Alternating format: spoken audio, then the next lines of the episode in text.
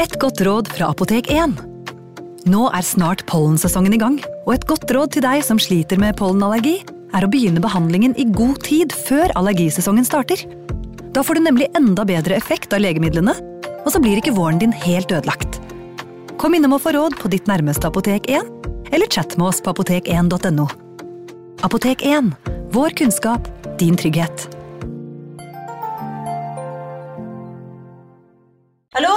Jeg kommer fra Oslo politikammer. Ine Jansen er purk. Er du purk? The motherfucking bitch. Alt jeg vil, er å finne ut hva som skjedde med mannen min. Jon Carew. Er jeg sikta for noe? Iben Akeli. Det er du. Ole So, Lars Berrum og Big Daddy Karsten. Hvem sin side er du på, egentlig? Anette Hoff, Tone Danielsen, Kommer du fra Afrika? Jørnis Josef, Nesten. Kløfta. Trond Espen Seim, Det er synd å si det, men det var feil mann som døde. Purk. Premiere tirsdag på TV2 Play. Hei! Takk for at du lytter til True Crime Podden dokumentar. Skulle du ønske at du kunne høre en ny episode av denne podkasten hver eneste uke? Vel, da er det bare å laste ned podkastappen Untold med en gang. I tillegg til ukentlige episoder av podkaster som Skrekkpodden, Synderne og True Crime Podden, får du masse annet reklamefritt og eksklusivt innhold. Last ned Untold i AppStore eller Google Play, og start din 30 dagers prøveperiode i dag. you.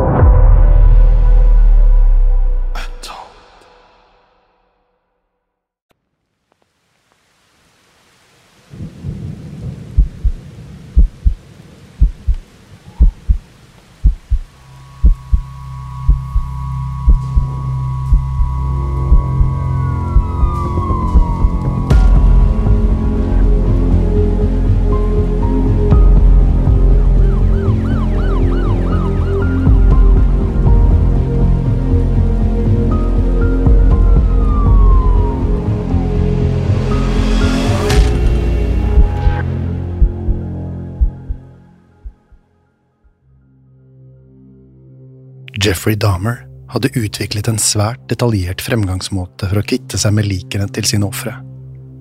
Han parterte kroppene, før han puttet de ulike kroppsdelene i syrebad. Det hadde begynt som en måte å skjule bevisene, men med tiden hadde dette blitt en del av Jeffrey Dahmers morbide dødsrituale. Samlingen med hodeskaller ble stadig større, selv om han slet med å finne en pålitelig metode for å bevare disse relikviene. Etter å ha drept sine ofre, begynte en intim relasjon med likene deres. Jeffrey likte å fotografere de livløse kroppene mens han plasserte de i ulike seksuelle positurer. Han tilfredsstilte seg selv, kysset og berørte likene, og fortsatte med dette mens han begynte å partere likene. Han kunne ha lange samtaler med sine døde ofre, og fortsatte å prate med dem da det kun var hodeskallene som var igjen. Jeffrey hadde en unik interesse for den menneskelige anatomi, og sparte på utvalgte deler av kroppene. Kjøleskapet hans fylte seg opp med menneskehjerter og ulike kjøttstykker. Det var ikke bare drap Jeffrey hadde utviklet en appetitt for. Han hadde etter hvert fått smaken på menneskekjøtt. Det hadde begynt med drap, men Jeffrey utforsket hele tiden sine egne grenser. Jo flere han drepte, jo færre hemninger var igjen. Med tiden var det knapt noe menneskelighet igjen i han. Likevel behandlet Jeffrey sine ofre med en viss respekt. Han ønsket å bevare de ulike kroppsdelene i god stand, og uttrykte sin skuffelse hvis han var nødt til å kvitte seg med hele offeret. De ulike prosessene han benyttet seg av, innebar til tider at hodeskallene måtte destrueres, og dette gjorde ham svært sørgmodig. Etter flere forsøk hadde han funnet en pålitelig metode. Dette innebar å plassere hodeskallene og de andre kroppsdelene han ville spare på i blekemiddel, før han lot de tørke. Deretter la han de i kjøleskapet, før han renset de for det som måtte være igjen av kjøttrester, og behandlet beina med en slags emalje. Jeffrey dokumenterte gjerne hele denne prosessen, og fotograferte gjerne sine ofre fra øyeblikket de entret leiligheten. Han ba dem posere for kamera, mens han ventet på at det bedøvende middelet skulle begynne å fungere. Jeffrey skilte seg likevel ut fra noen seriemordere, da drapsmetodene hans kunne variere. Han foretrakk å kvele sine ofre. Men i noen tilfeller endret han framgangsmåte på stedet, og kunne ende opp med å kutte hovedpulsåren med kniv. Drapet på 22 år gamle David Thomas i september 1990 så ut til å bli et vendepunkt for Jeffrey. Han tok med seg David tilbake til leiligheten med et ønske om å ta nakenbilder av ham. Jeffrey var villig til å betale, og David sa seg til slutt villig til å være hans modell. Etter å ha tilbudt ham en drink med sovepiller, ombestemte Jeffrey seg. Han innså at han ikke var tiltrukket av David, og ønsket heller ikke å drepe ham. Det var alltid et seksuelt aspekt ved Jeffreys drap, og fraværet av begjær fikk det hele til å fremstå meningsløst. David hadde riktignok allerede slukt drinken og var i ferd med å miste bevisstheten. Jeffrey bestemte seg likevel for å ta livet av David, i frykt for at han ville reagere med sinne. Da David var død, fortsatte Jeffrey med sin sedvanlige prosess. Han parterte liket men denne gangen hadde han ingen planer om å spare på spesifikke kroppsdeler. Jeffrey var likevel nøye med å fotografere alle fasene av prosessen.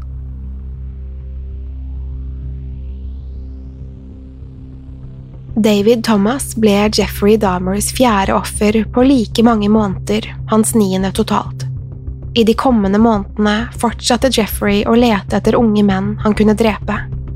Det skulle likevel gå nesten fem måneder før han slo til igjen. I februar 1991 var han likevel i gang igjen og drepte i en helt annen frekvens enn han hadde gjort tidligere.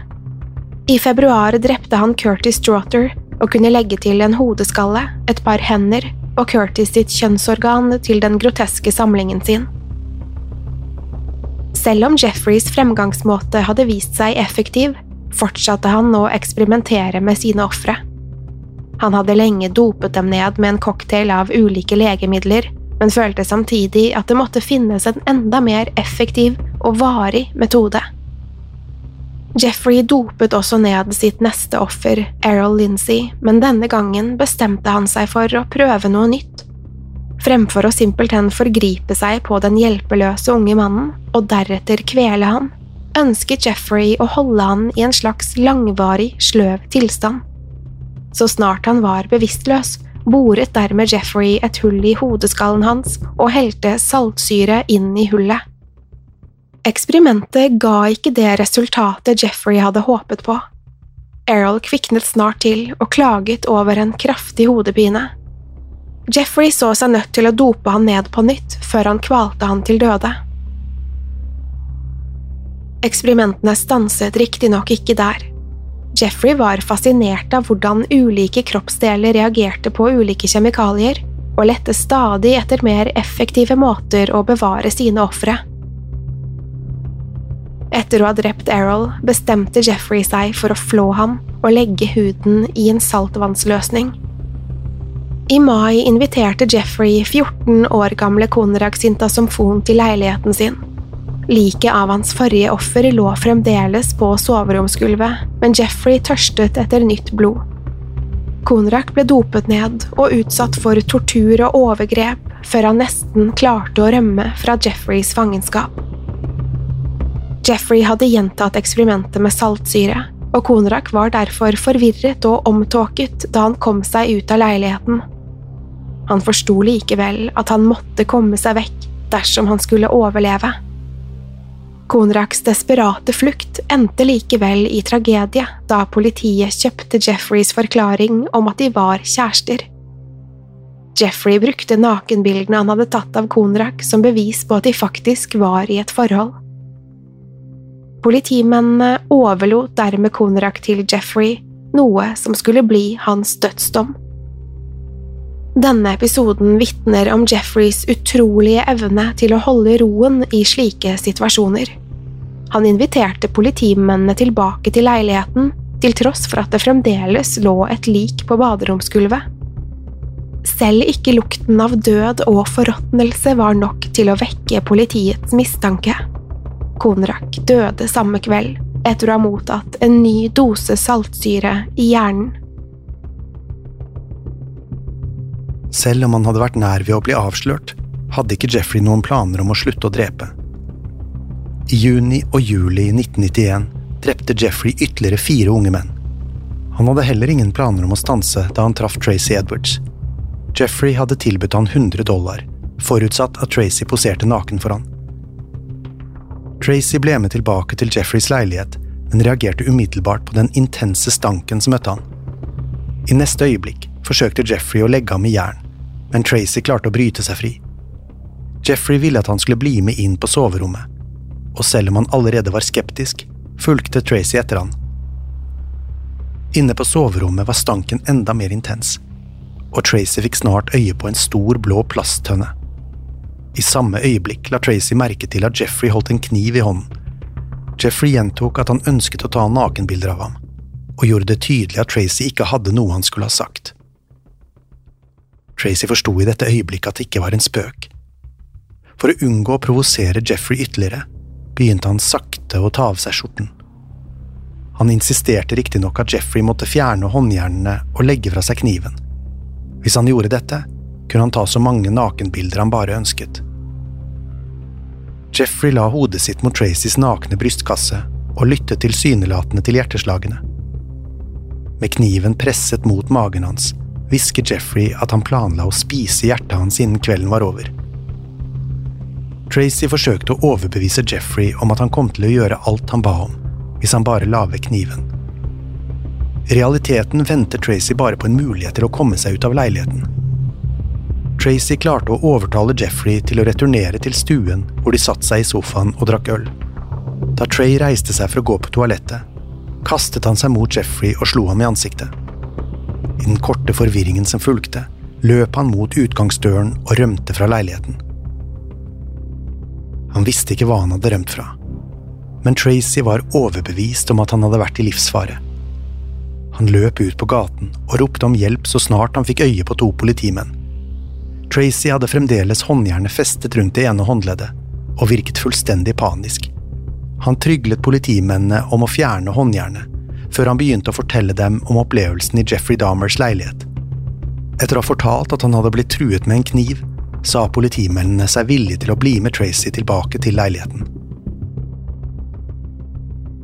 Da politimennene ankom leiligheten, bekreftet Jeffrey at han hadde lagt Tracy i jern. Jeffrey sa seg villig til å hente nøklene, men politimennene hadde allerede begynt å utforske leiligheten. Han forsøkte å komme politimennene i forkjøpet, og prøvde tilsynelatende å hindre dem i å gå inn på soverommet. Politimennene fant snart kniven gjemt under sengen, men dette var bare begynnelsen på de grufulle funnene de skulle gjøre i Jeffrey Dahmers leilighet. I nattbordskuffen fant de nemlig et utvalg polaroidbilder som viste parterte menneskekropper og andre groteske motiver. Alle bildene så ut til å ha blitt tatt inne i leiligheten. Jeffrey forsto at han ikke kunne snakke seg ut av denne oppdagelsen, og forsøkte å komme seg ut av leiligheten. Han ble raskt stanset av politimennene, og til tross for et desperat forsøk på å kjempe imot, hadde de snart overmannet ham. Etter å ha lagt Jeffrey i jern, åpnet de kjøleskapet. Her ble de møtt av to øyne som stirret tilbake. Det var et avsagd hode som fremdeles ikke hadde begynt å råtne. Politimennene hadde så vidt begynt å innse omfanget av denne arrestasjonen. Hodet i kjøleskapet var bare ett av fire menneskehoder som ble funnet i skrekkleiligheten. På Jeffreys soverom fant de ytterligere syv hodeskaller som hadde blitt utsatt for en rekke ulike behandlinger. Sannheten var i ferd med å åpenbare seg. Jeffrey Dahmer var ikke bare en merkelig mann med underlige fetisjer. Politimennene innså at de hadde avdekket en av USAs verste seriemordere gjennom historien. Etterforskerne oppdaget stadig nye, groteske funn i leiligheten. Det var utallige kroppsdeler og kjøttstykker i kjøleskapet, som Jeffrey tilsynelatende hadde planlagt å konsumere. De fant menneskehjerter, kjønnsorgan, armer, hender og føtter. De oppdaget skjeletter og ulike organer gjemt unna i fryseren. I plasttønnen på soverommet var det kroppsdeler som fremdeles løste seg opp i syrebadet. Som om ikke dette var nok, hadde Jeffrey oppbevart alle bildene av drapene i leiligheten. Derfor trengte ikke politiet å spekulere i om det var Jeffrey som sto bak, eller hvorvidt det var andre gjerningsmenn involvert. Jeffrey hadde presentert dem med alt beviset de trengte, og samtidig gitt dem en idé om omfanget de sto ovenfor. Jeffrey valgte å gjennomføre avhørene uten en advokat til stede. Han fortalte politiet at han ønsket å tilstå alle sine forbrytelser og ta ansvar for sine handlinger. Til tross for at han hadde utført de grufulle drapene, virket det som at Jeffrey var fullstendig klar over hvor uvirkelig det hele virket for etterforskerne. Avhørene varte i 60 timer, og Jeffrey delte hele sin historie. Han svarte ikke bare på drapene de mistenkte ham for. Jeffrey begynte nemlig å tilstå samtlige av sine forbrytelser. Han innrømmet at han hadde tatt sitt første liv som 18-åring da han drepte Stephen Hicks. Jeffrey delte også fremgangsmåten sin med politiet, og skildret hvordan han dopet ned sine ofre og deretter helte saltsyre eller kokende vann i hjernene deres. Han husket ikke alle drapene like tydelig, men ga likevel politiet en unik innsikt i metodene til en ekte seriemorder. Videre beskrev Jeffrey den nærmest ritualistiske måten han hadde behandlet og deretter stilt ut likene. Han hadde gjort kroppsdelene om til trofeer, som han planla å stille ut på sine hjemmesnekrede alter. Det var riktignok ikke et religiøst eller okkult aspekt ved disse drapene. For Jeffrey Dahmer var det hele en mer spirituell opplevelse som primært handlet om tilknytningen til ofrene. Jeffrey beskrev alteret som et sted han kunne meditere og finne indre ro og styrke. Allerede da han drepte Stephen Hicks, hadde han følt at de for alltid ville være knyttet sammen. Mens han spredte beinfragmentene utover familiens tomt, satt han igjen med følelsen av at Steven aldri ville forlate ham. Det var et bånd han aldri hadde følt med et annet levende vesen. En del av ritualet involverte å stille ut likene i spesifikke positurer før han begynte å partere kroppene. Jeffrey skydde ikke unna noen detaljer, og innrømmet at han hadde utført seksuelle handlinger med likene. Parteringen bød også på seksuell tilfredsstillelse, og Jeffrey ble tent av synet på organer og menneskelig anatomi. Han hadde utviklet sine egne metoder for å slakte et menneske, noe han gjerne utførte i badekaret. Dette involverte å tappe likene for blod, før han begynte å dele opp kroppene. Jeffrey fortalte i detalj om sine morbide eksperimenter og snakket lidenskapelig om de mest effektive måtene å bevare et menneskeskjelett. Han delte også sine opplevelser med menneskekjøtt. Jeffrey fortalte villig hvordan han hadde tilberedt de ulike kroppsdelene, og hvordan dette smakte. Behovet for å drepe hadde eskalert over det siste året, Jeffrey beskrev hvordan han ble fullstendig konsumert av begjæret, og klarte etter hvert ikke å styre seg. Det hadde blitt en besettelse som hadde tatt fullstendig kontroll over livet hans. Innerst inne visste han at dette en dag ville få konsekvenser for ham, men han var likevel ikke i stand til å gi seg. Det var aldri noen tvil om Jeffrey Dahmer var skyldig. Han hadde tilstått alle sine drap, og i leiligheten hans hadde politiet funnet mer enn nok bevis til å sikte han.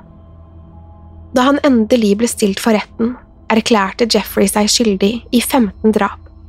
Selv om han anerkjente sin skyld, ble han likevel presentert som utilregnelig. Det var ubegripelig at et menneske var i stand til å utføre denne typen ondskap. Det ble derfor gjort forsøk på å forstå hvordan Jeffrey Dahmer var skrudd sammen.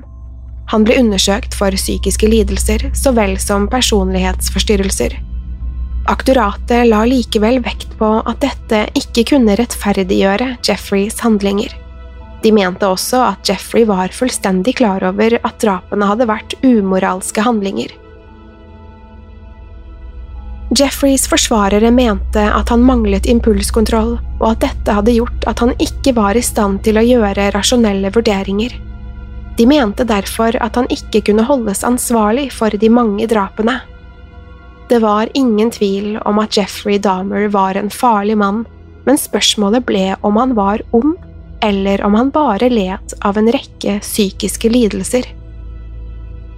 Det var ikke bare drapene som ble diskutert, men også de seksuelle handlingene og kannibalismen. Jeffreys oppførsel og begjær var så fjernt fra hva som oppfattes som normalt, at han nesten var strippet for menneskelighet. Han så ut til å foretrekke seksuell omgang med avdøde mennesker, som igjen vitnet om hans manglende evne til å forholde seg til andre.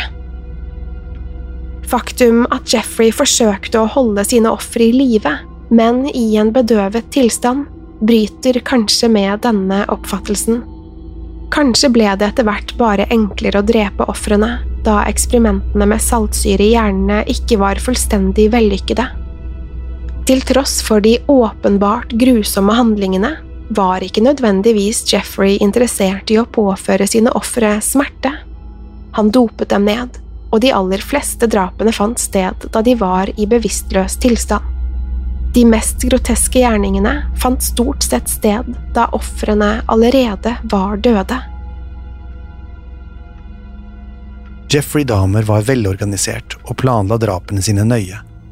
Han var alltid forsiktig, og passet på at det ikke var noen vitner til forbrytelsene.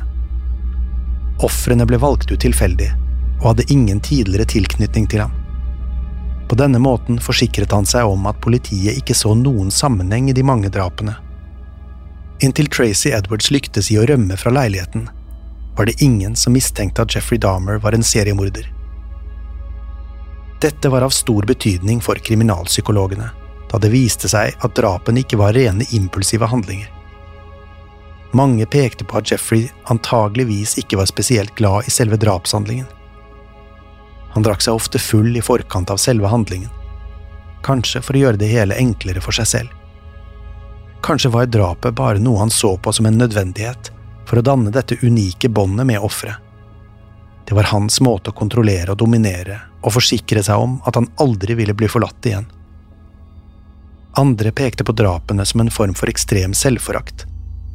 Jeffrey hadde slitt med å akseptere at han var homofil, og drapene ble derfor en måte å drepe disse lystne. Han var seksuelt tiltrukket av sine ofre, noe som frustrerte ham og førte til et indre raseri. Den 15. februar 1992 falt dommen, og Jeffrey Dahmer ble offisielt erklært tilregnelig. Jeffrey uttrykte selv at han ikke hadde noe ønske om å gå fri, og at han mest av alt ønsket å dø. Han aksepterte at gjerningene hans var fullstendig utilgivelige, men hevdet at han ikke hadde ønsket å påføre noen noe smerte.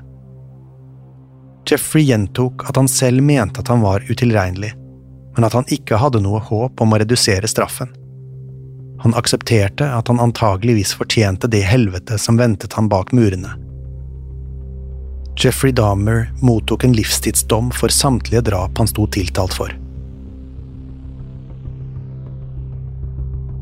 Jeffrey sonet det første året i isolat, da mange fryktet at han ville bli drept av de innsatte. Etter dette ble han integrert blant de andre fangene. Han var uten tvil den mest høyprofilerte personen i fengselet, og mange fryktet at han var i en svært utsatt situasjon. Fengselsvaktene forsøkte å beskytte Jeffrey, men i juli 1994 ble han angrepet av sin medfange Osvaldo Dorothy. Osvaldo angrep Jeffrey med en kniv satt sammen av et barberblad og en tannbørste. Jeffrey hadde funnet Gud i fengselet og dedikerte mye av tiden sin til Bibelen. Osvaldo overrasket Jeffrey under en av fengselets gudstjenester. Med den hjemmelagde kniven forsøkte han å kutte over Jeffreys strupe, men skadene var ikke livstruende. Jeffrey hadde ingen planer om å kjempe imot dersom noen forsøkte å drepe ham. Han hadde allerede akseptert at han neppe ville bli en gammel mann, og selv om dette angrepet var mislykket, antok han at det snart ville komme et nytt. I november skulle det skje, da Jeffrey vasket garderoben til treningsrommet sammen med medfangene Jesse Anderson og Christopher Scarver. Jeffrey Dahmer ble funnet med hodet slått inn av en jernstang og deretter hamret mot veggen. Han var fremdeles i live da han ble oppdaget, men ble erklært død i løpet av få timer. Jesse Anderson hadde også blitt angrepet, og døde snart av skadene. Christopher Scarver innrømmet å stå bak overfallet og hevdet at han hadde fått oppdraget direkte fra Gud. Jeffrey Dahmer ble 34 år gammel. De mange grusomme detaljene gjør Jeffrey Dahmer til en av de mest fryktede seriemorderne i verdenshistorien. Han drepte 17 mennesker og ville antagelig fortsatt å drepe dersom Trace Edwards ikke hadde klart å rømme fra leiligheten. Den groteske måten han behandlet likene, parteringen, nekrofilien og kannibalismen er så ekstrem at det nesten er umulig å begripe at et menneske kunne utføre disse handlingene. Jeffrey Dahmer fremstår på mange måter større enn virkeligheten. Detaljene er så grusomme og kompliserte at man skulle tro han var en skikkelse fra en skrekkfilm.